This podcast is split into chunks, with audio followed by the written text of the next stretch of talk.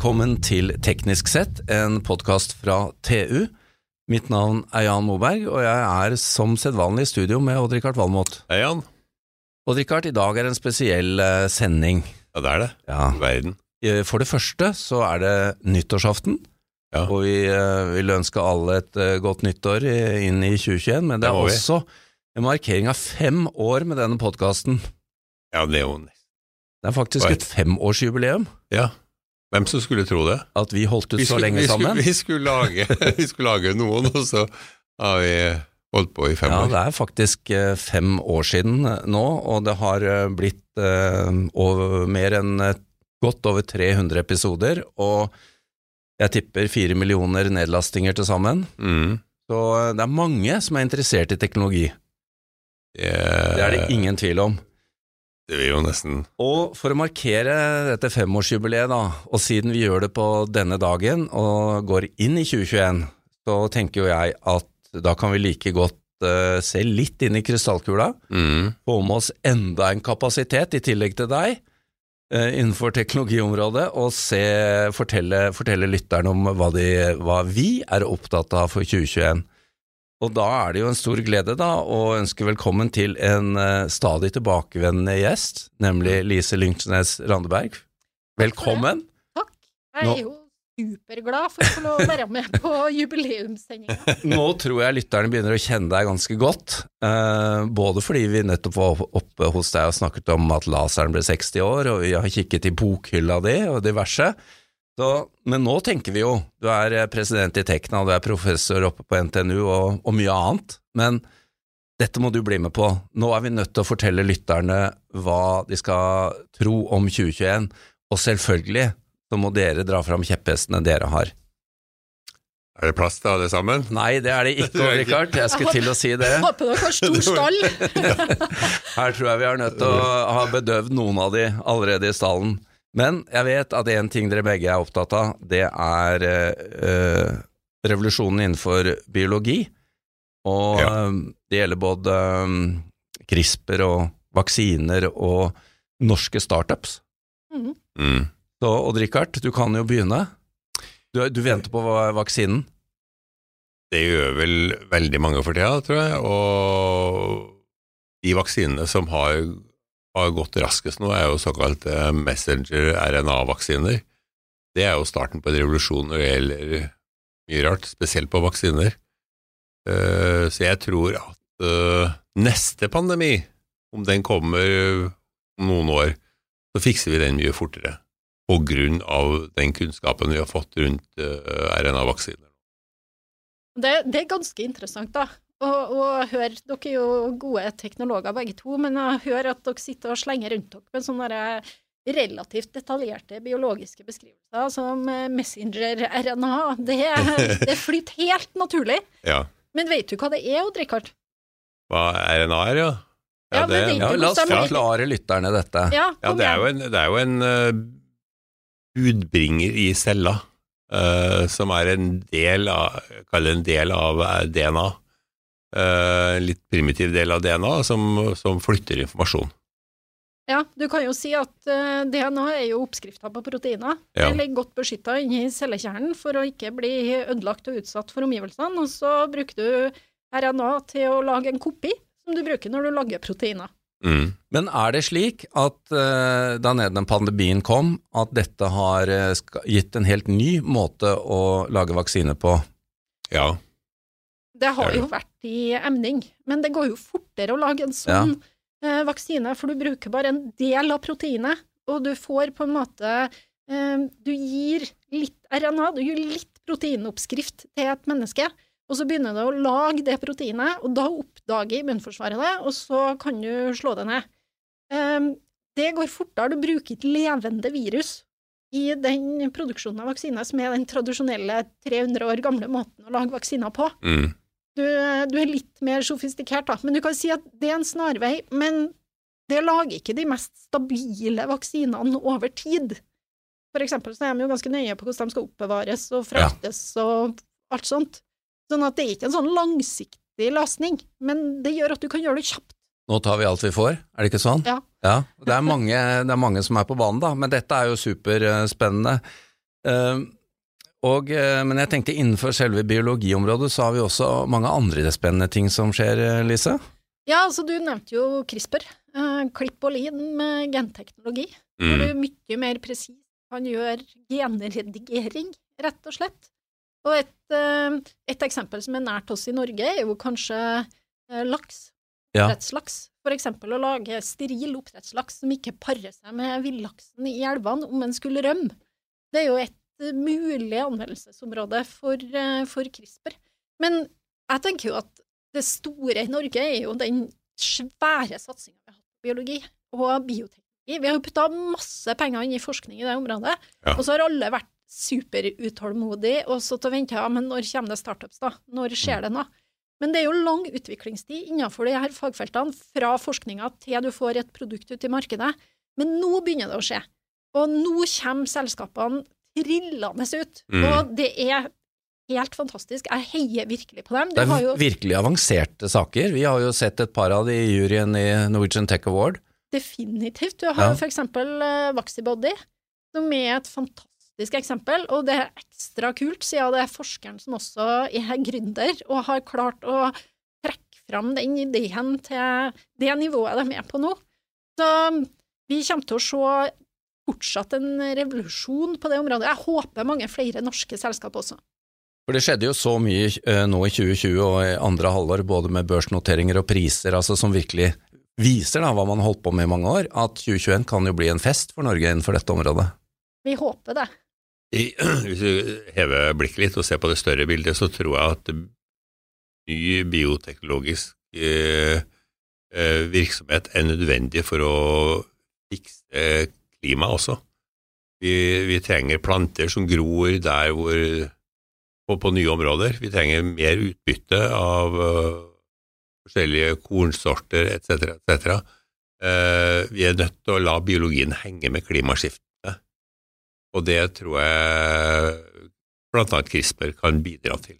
Men der, der eh, Nå trigga du meg på noe annet òg. ja, det tenker jeg, ja. Når du begynte å snakke om eh, landbruk. Ja. For uh, sensorrevolusjonen, ja. altså Internet of Things, tingenes internett, og muligheten til å bruke droner til overvåking, eksempel, altså både av jordbruk, ja. av ja, helsa til skogen, faren for skogbrann, Uh, utvikling av sykdommer på planter, eksempel.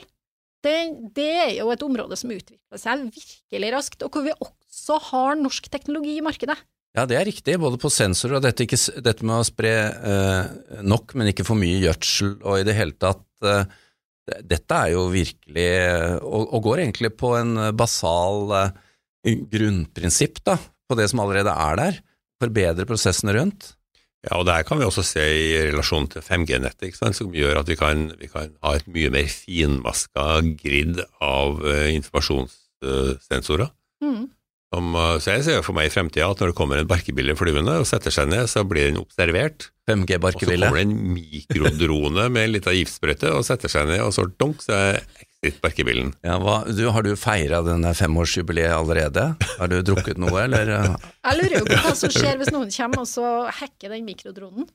Ja. Setter sprøyta på deg i stedet, Rikard. Ja. Men, men, altså, dette er jo superfascinerende. Nå har vært innom, Vi begynte med egentlig RNA-vaksiner og har vært innom da sensor og landbruk og barkebiler. Men det viser jo da hva som kommer. Og ja. jeg tenkte nå vi, vi har, Dere har jo så mange kjepphester at vi kunne holdt på i dagevis, men for å flytte oss lite grann.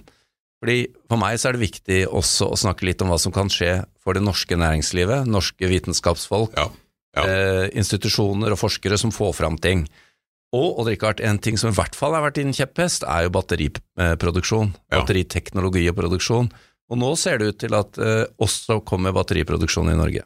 Ja, og nå Det gjør det. Det er fire prosjekter i gang. Eh, og det som var veldig positivt her for et par uker siden, det var jo at Hydro og Equinor har fått med seg Panasonic, som er selve vel du si, gründeren som fram Elon Musk også. Alle hatt Panasonic-batterier? Ja, vi har det. Uh, og Hydro har et sånt inngrep med europeisk bilindustri, altså ikke bare europeisk, men over hele verden, fordi at de selger aluminiumsprofiler. ikke sant? Equinor har veldig sterkt behov for å bli litt grønnere. Uh, så dette er en match Made in heaven, altså. Ja, men det her skjer jo ikke i vakuum. Det skjer jo også fordi at det er noen som vil noe politisk her. Ja. For, eksempel, eksempel at man skal ha nullutslippsferjer. Det er jo en stor driver for utvikling av ny Absolutt. eh, batteriteknologi. At, eh, at man stiller politiske krav til utslipp og nullutslipp, det er jo en kjempedriver for industribygging. Og det har vi jo sett før. Sånn var det jo med olje- og gassnæringa, leverandørindustrien også. Det var jo de strenge kravene norske myndigheter stilte, som var utgangspunktet for den eh, fantastiske teknologiutviklinga vi ser der. Nå kan vi jo få til noe lignende. Men Lise, du som sitter og er på mye uh, høringer politisk, både på Stortinget og andre, og sitter inne og i din posisjon kan påvirke dette her. Uh, ja, jeg må jo spørre, hvor uh, på er politikerne? Kan de nok? Tar de grep? Vi har jo, Odd-Rikard og jeg, brukt tidligere veisjef Terje Moe Gustavsen som et sånn lysende eksempel på hvor flott det var at han satt krav, eller ikke bare han da, men satt krav på elferjer på Vestlandet. Mhm. Hva kan vi forvente oss av norske politikere da, innenfor teknologi i 2021, tror du? Nei, altså, jeg, jeg opplever at politikere er veldig opptatt av å lytte eh, til innspill, til fageksperter, til eh, det vi kommer med. Og så er det jo, kan vi jo stille litt mer spørsmål noen gang hvordan de bruker det vi sier, da. Ja. Men har de blitt flinkere enn tidligere? Ja, jeg syns det. Ja. Jeg syns at det er ganske breie innspillsmøter, der veldig mange kommer til orde. Det er fordi du er på så mange av møtene, det. Da kommer i hvert fall jeg til orde, og Tekna gjør det. Men eh, eh, nå for eksempel så er det jo eh, eh, biomangfold. Det er bærekraft. Det er planer om det som skal lages. Mm. Og her er man jo ute og samler innspill. og der tenker jo i hvert fall eh, Tekna at det er høyst relevant å ha teknologiperspektivet på det. Mm. Uh, når du skal, altså biomangfold, du trenger sensorer, du trenger utslippsfri teknologi for å ivareta de tingene. Det holder ikke å bare se på ett fagfelt, og det tror jeg det blir mer og mer tverrfaglig. Derfor så er også politikerne mer og mer avhengige av innspill fra dem som kan fagene, da. Ja. Det er, vel, det er vel få politikere rundt omkring i verden som er så oppmerksom på batterier som norske politikere, tror jeg. Både i ferjer og i biler. Og så har vi tradisjonelt en veldig sånn råvarefokusert industri. Vi trenger noe som lager produkter. Men på batterisida så har vi veldig mange av råvareprodusentene. Mm. Vi, har, vi har grønn kraft, som er kanskje det aller viktigste vi kan bidra med. Vi har også nikkel. Eh, vi har silisium, og vi har grafitt nå med Elkem. Vi har veldig mange av de elementene som skal til inn i batteriet. Ja, og så har vi vært tidlig ute med elbilpolitikk, Ja. og vi har vært tidlig ute med elektrifisering av sånn som ferjene, og det har Ja. kanskje gitt politikerne litt blod på tann, da, at her, dette virker, dette har vi lyst til å gjøre. Tør å gå foran, og Ja. tør å være litt modig. Men øh, øh, vi må snakke litt om hydrogen også, for det er også et tema som lytterne våre er veldig opptatt av, og der kom det jo en sånn hydrogenmelding også i høst. Ja. Den var øh, litt slapp, mente mange. Eh, og det er jo et område der vi virkelig har muligheten til å gå foran, både på produksjon og bruk.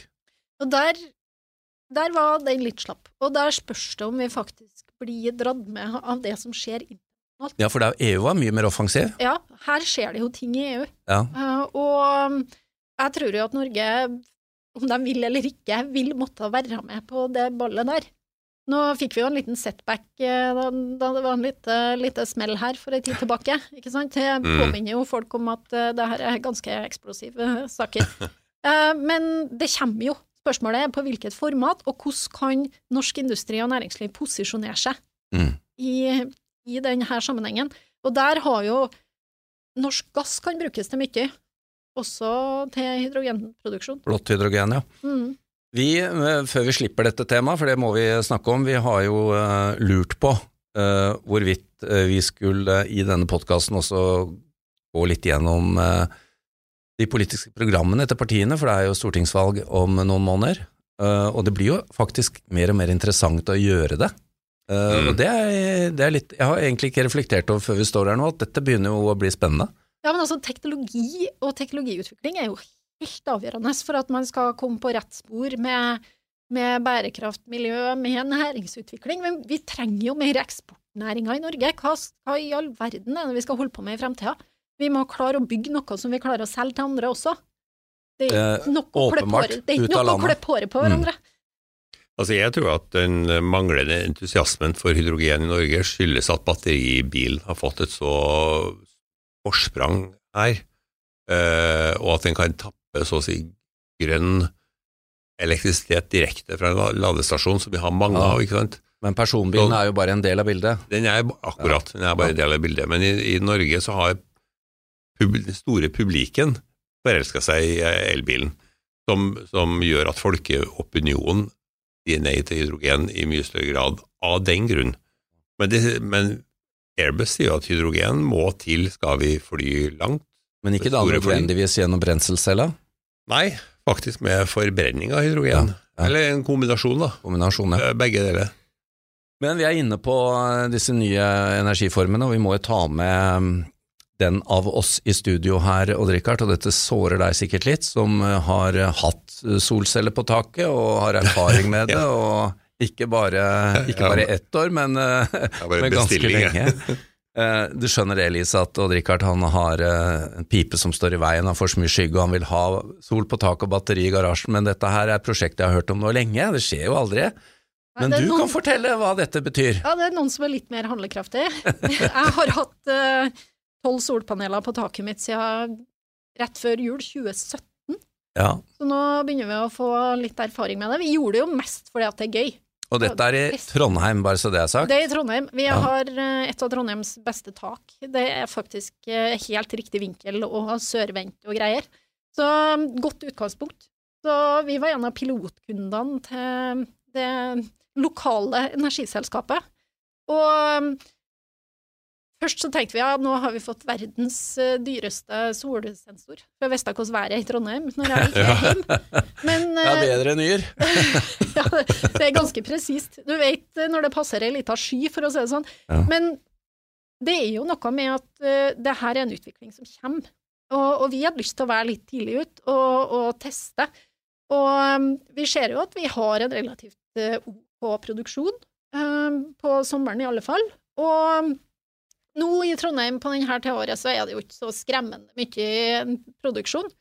Men um, det er noe med at noen må gå foran, da. Og Ja, med to ja. teknologer i huset, så var det ikke så mye spørsmål, Men- egentlig. Men hva, hva tenker du nå? Altså, dette er jo tre år siden, fire år siden. Eh, dette faller jo voldsomt i pris. Eh, ser du noen hindre for at dette også skal ta av? Ja, men Én ting er at vi har grønn energi i Norge allerede, men dette med distribuert eh, kraftproduksjon ut på, på personlige boliger og sånn er jo veldig spennende. Det er kjempespennende, og der er det jo land som har kommet lenger enn Norge. Ja. Og vi ser jo andre plasser i verden at nå begynner investorer å kjøpe opp store kjøpesenter. Ikke fordi de er så opptatt av kjøpesentre, men fordi de er opptatt av taket. Ja. Tomta på taket. Ja. Ikke sant? Og få plassert de solpanelene der. Og sånn som prisene utvikler seg, og sånn som utviklinga er i virkningsgrad og materiale, så det, det kommer jo til å, være en ganske heftig utvikling fremover der òg. Og ekspertene, altså de store internasjonale aktørene som har spådd om pris på solenergi, de har jo tatt feil hele veien. De har det. Og eh, dette har jo vi fulgt, eh, Odd Rikard, og Ja, ja, du er, ringte jo ja. til og med til IEA i Paris og klagde på deres fremstilling av eh, Ja, det, de, vil, de ville ikke svare. Ja, men nå har de blitt mer offensive. de blitt mer det skal de ha. Men jeg tror jo at det kommer en del ny teknologi, så det kan være at du ender opp med å ha en gammel stempelmotor på taket, Lise. Ja, men det kan hende. Jeg- Men uh, vi har i hvert fall gått først, og vi har, Ja, ja. Vi har turt må- å gjort det. Noen må tørre, vet du. Noen, noen må det. Men det er Men- verdt å nevne at selve panelene er jo bare en liten del av investeringen. Ja, ja, det, Det er jo- er, uh, minste biten, faktisk. Ja. Så av det Og har lang, de har lang levetid. 30 år. Ja, 30 år cirka. Mm. Men eh, det, vi, vi står jo kanskje på trappa til en liten revolusjon gjennom uh, perovskit uh, i åra fremover. Ja, da skulle vi ha hatt noen av mine kollegaer på NTNU i Ja. rommet, for de jobber med den typen materialer. Og da snakker Og da- vi om materialene som skal til for å gjøre, få høyere ytelse. Ja, da snakker vi om kanskje flere sjikt med ulike varianter av perovskitt, eller silisium og perovskitt i kombinasjon. Mm. Men eh, det siste er jo at de, har, de begynner å se på varme, altså IR-spekter også. Og noen har sagt at vi kan utvikle her til å få solceller som klarer 80% Ja, får vi, I hvert fall får vi innenfor det sånn optiske spekteret. månecellepaneler òg, da, kanskje? Ja, da begynner det å bli morsomt, vet du. Ja, men altså, jeg tenker, er ikke det deilig at den der nanoteknologien begynner å gi litt resultater? Jo, jo, jo. Ja. For nå har du jo holdt på i eh, 20 år med å Ja. snakke om nanoteknologi, og nå begynner resultatene å komme med de nye materialene, eh, som faktisk har en praktisk anvendelse også. Det tar lang tid fra grunnforskning til produkt. Ja. Nå er vi der snart. Eh, Før vi slipper dette med, dette med prisfall, eh, vi må snakke om batterier og Richard. Den følger priskurven ned. Det gjør det, ja. Og det kanskje mest interessante jeg har lest i siste, er at et amerikansk firma har klart å lage et batteri med en eh, litium-metallanode. Og Volkswagen har kjøpt seg inn i det her, og har som eksempel eh, sagt at hvis en Golf, tradisjonell Golf går 30 mil på batteri, så vil, vi, vil den kunne gå 75 mil med disse batteriene. ikke sant? Det er jo Da, problem da, solved. Spørs hva som skjer med han godeste Musk da. Hva skal ja, han finne altså, på det, da? er- det er en, da, da har de Musk av Musk, altså. Nei, Det det tror jeg ikke. Han vil finne et nytt område. Han Ja, ja. er under bakken med Boarding Company, og han er oppe i himmelen med både internettsatellitter og space og alt mulig. Mars. Men det er jo en spådom, Lise, som du bringer opp. Hva vil Elon Musk finne på i 2021? Det tør ikke jeg å spå. Det er nesten sånn du kunne hatt en konkurranse, og så Ja. på neste nyttårsaften så, så kårer du vinneren. Så Kårer du vinneren, ja. Hvem traff? Men det er Um, helt dere- klart, han vil finne på noe kreativt. Jeg tenkte Nå har vi holdt på ganske lenge, men det er, dette er jo altså så mange temaer. Eh, Det er et par ting vi må ta opp her. Eh, Og jeg tenkte, Odd Rikard, vi må snakke om mikroprosessoren, fordi eh, den har jo vært virkelig en av, en av det 20. århundres store Ja, den, den, innovasjoner. den muliggjør jo Ja, egentlig alt vi snakker om. Intel har vært i førersetet. Nå spår du at Intel mister hegemoniet. Ja, det synes jeg begynner å bli mer og mer klart. Altså, for det første har jo AMD eh, gjort i rangen stridig på X86-arkitekturen, men så kommer Apple, Mm. og Qualcomm er i ferd med å gjøre det, og Nvidia på ARM-basert teknologi. Sånn at de får Jeg tror at fre- fremtida kommer til å ha mer ARM enn X86. Og så har vi selvfølgelig det store eh, spørsmålet hva skjer med quantum computing? Ja, jeg er litt nysgjerrig på det, da, for jeg Ja. tenker eh, Vi har eh, holdt oss til Moores lov lenge, Ja. Um, og nå snakker vi egentlig mest om evolusjon, og ikke revolusjon. Men det kommer til å skje i skyen, ikke på desktopen. Ja, så du, da har du en sånn spådom om hvor mange datamaskiner trenger vi i verden i framtida? Det er noen som har spådd om det før. Ja. Det var nå det, var nå, det kom, ikke i 1945. Ja. Men, eh, men Odd Rikard, Apple har kommet med sin. ja. Men, men du sier noe interessant, det kommer til å skje i skya. Ja. Uh, men nå har det jo skjedd noe som, uh, som kan hende at eh, tanken vår om den store skya faktisk endrer seg litt. Ja, nå er du på lovgivning. Ja, Lovtolkning. Ja, altså det, det kom et resultat fra en rettssak tidligere i år, hvor det var en kar som hadde saksøkt Facebook for uh, å overføre persondata til USA fra Europa. Og den såkalte Schrems 2-saken. Og nå skjelver vi alle litt i buksene, da, fordi at uh, man er ikke helt enige om hvilke konsekvenser det her får.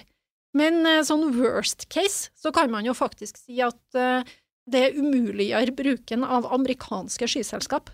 Ja, men det har de jo sørget for selv. Jo, det har de, men før så var det på en måte nok at det selskapet hadde et datterselskap i Irland Ja, eller et ja. sted i Europa. Nå holder ikke det lenger. Nå må du ha bedre grunnlag for å overføre Det her er jo en konsekvens av GDPR, nok en gang. Men spørsmålet er hva det fører til. Fører det til at vi alle sammen må slutte å bruke eh, Office 365? Eh, eller fører det til fremveksten av et, en europeisk sky? Ja, tar man, tar man det som en uh, offensiv utfordring eller, eller ikke? Dette er jo da, skal vi kalle det, skremselspropaganda. Definitivt. så, så man kan jo velge å ta det som, uh, som, et, uh, ja, som et initiativ, eller å bli redd for det. Men det, det er alvorlige saker, da. Ja, altså det kommer til å få konsekvenser på den ene eller andre måten, og det vil også få konsekvenser for Norge og norsk strategi, med tanke på hvordan norske virksomheter skal flytte eh, sine data ut i skyen, og det her handler jo spesielt om persondata. Men det er jo så utrolig mange som sitter på persondata. Ja. Ja. Ja, og ikke minst amerikanerne, og de har jo lovgivning som tilsier at eh, amerikanske etterretningsmyndigheter skal få lov til å titte litt inn innimellom. Det har de, vet du. Og dette er litt av problemet, har jeg skjønt. Det er det som er stridens eple her. Men vi kan jo hende at vi faktisk eh, ser en situasjon hvor det er lovgivere og politikere nok en gang som sparker i gang teknologiutvikling og innovasjon. Ja, altså det, det slår meg, Lise, at uh, politikerne har jo blitt viktigere og fått en større rolle og større mulighet enn de noen gang har hatt, egentlig. Offensivt. Men altså, de har jo sovet litt i timen, da. For de har jo ikke sett Mye. De har jo ikke tungt i timen. de har jo Jeg tror det var at det mange i soverommet der. de har jo ikke, de, Kanskje de hadde Norge, hvem vet. Men uansett så, så skjedde Altså, det har skjedd veldig mye på teknologisida, og så har man ikke sett hvor stort det ble. Og så kommer man litt sånn i panikk i etterkant og skal begynne å regulere. Um, Dette må vi følge. Altså, nå, det, det blir en stor sak i 21. det gjør det. Jeg tenkte avslutningsvis å ta et par andre uh, småting i forhold til dette, men stort likevel. og Odd Rikard, 2021 blir 5G-året. Ja. Vi er, jo, vi er jo allerede I volum og utrulling. Neste år så sier Telia, de ligger faktisk først i løypa, eh, at halvparten av uh, befolkninga skal ha 5G-dekning der de bor. Halvparten av norsk befolkning, ja. Ja, det er ganske heftig. Nå nå må jo det sies at en vanlig eh, person har jo ikke fryktelig glede av 5G. Nei, jeg skulle til å spørre Lise, Ja. hva betyr 5G for deg? Nei, Nei altså det betyr at du skal laste ned en film da, på, fra Netflix på mobilen, sant, så går det på Men, men det mye, her mye fortere. ikke sant? Altså For meg så betyr det faktisk ganske mye, men som fagperson. Nettopp. Fordi det, gir, fordi det gir muligheter innenfor sensorikk som vi ikke har i dag. ja. Og til å skaffe oss eh, data som eh, kan være grunnlag for ny kunnskap og forskning og utvikling. Og det er vel viktig at når vi ser på 5G for 2021, så skal vi ikke bare være opptatt av hvilke håndsett som har teknologi til å bruke det, og hvor fort vi kan få filmene ned, men på alle disse andre områdene, og det er snakk om slicing av, eh, av båndbredden og i det hele tatt. Det skjer akkurat det samme nå som det Ja. gjorde for forrige gang. ikke sant? Altså Telefonene får sakte, men sikkert den nye teknologien. Uh, Telia og Telenor har vel en rundt 70 000 terminaler hver i nettet sitt. Er klare, ikke sant? De brukes ikke i særlig utstrekning, men de er nå der. Ja. Men det er alle de andre aspektene, det har du rett i, Lise, som er viktige for 5G. Ikke, Ja, det er også viktig for næringsutvikling i distriktene i Norge. Eh, og hva man kan gjøre. Eh, hvilke typer sensorer kan du bruke, hvordan informasjon får du ut Ja. av de sensorene, og hva, ikke minst hva kan du bruke dataen til. Det henger sammen med mye av det vi har snakket om. Mm. En forhåpning jeg har til 2021, eh, det er jo at vi skal se stadig flere teknologistartups i Norge. Ikke bare som blir startet opp, men som klarer å utvikle seg, og om det er å havne på børs eller få internasjonale inntekter og alt dette her. Det eh, tror jeg er noe av det aller, aller viktigste. vi Jeg har tro på det. Jeg har Men stor tro på det. eh, igjen, Lise, hva, hva skal til for å få til det? Det er mange som er i startgropa, da. Ja, altså nå har jo denne her pandemien faktisk gitt en innova innovasjonsboost av en annen verden. Ja. Altså Hvis du ser på hva Forskningsrådet har fått inn av søknader, vi har klaga på at norsk næringsliv ikke forsker nok. Ja. Nå har de så himla lyst til å forske. Altså jeg, og det er gode søknader. Jeg snakka med en som sitter og, og vurderer sånne søknader på kunstig intelligens i Forskningsrådet. Og han sier det at eh, konkurransen er så hard at du må nesten toppe poengscore på alt på søknaden din for å faktisk få penger. Så jeg tenker jo det beste vi kan gjøre, det er å skufle penger inn i det systemet der, er sånn at eh, de gode folka kan få gjennomført det de har planlagt. Jeg tror at det også har litt eh, med at oljen ikke er så attraktiv lenger. Så man studerer andre fag i dag. Jo, men også, også pandemien altså, har påvirka hvordan vi tenker rundt IT, digitalisering. Det har påvirka hvordan vi tenker rundt helse og helseteknologi. Og flere fagområder kommer til å følge etter. Garantert. Det er, eh, det er også en annen dimensjon her. Vi har jo hatt mange av disse på besøk i studio, Richard, enten det er No Isolation eller Remarkable eller Ease eller you name it. Da, disse. De produserer jo faktisk også ting i Norge, Ja visst. produktene sine. Og det trenger vi jo også, spesielt når vi da kan sende det ut og ha eksportinntekter på det. Og selvsagt enda mer avanserte selskaper innenfor bio, som vi var innom, da, enten er Vakkibody eller andre. Det er grunn til å være optimist for 2021, syns dere ikke det? Så vi kan ikke være noe annet. Nei. tenker jeg. Jeg har supertrua på, i hvert fall på Tekna medlemmer, men det er mye annet flinke Jo, men folk i med det du forteller med søknadsmassen også til Forskningsrådet, her snakker du om ting som ikke bare er grunnforskning, men som faktisk ligger i, i kjømda til å være nær kommersialisering, det, Ja, det- trenger vi jo. Det her, det jeg snakker om nå, Ja. er jo søknader fra bedrifter Ja, som har lyst til å gjøre forskning. Og det har jo en tendens til å være litt nærmere anvendelser Mm. Enn en, enn, eh, dyp grunnforskning. Så her er veien kortere til målet, da. Med å få de startupene som du ønsker deg.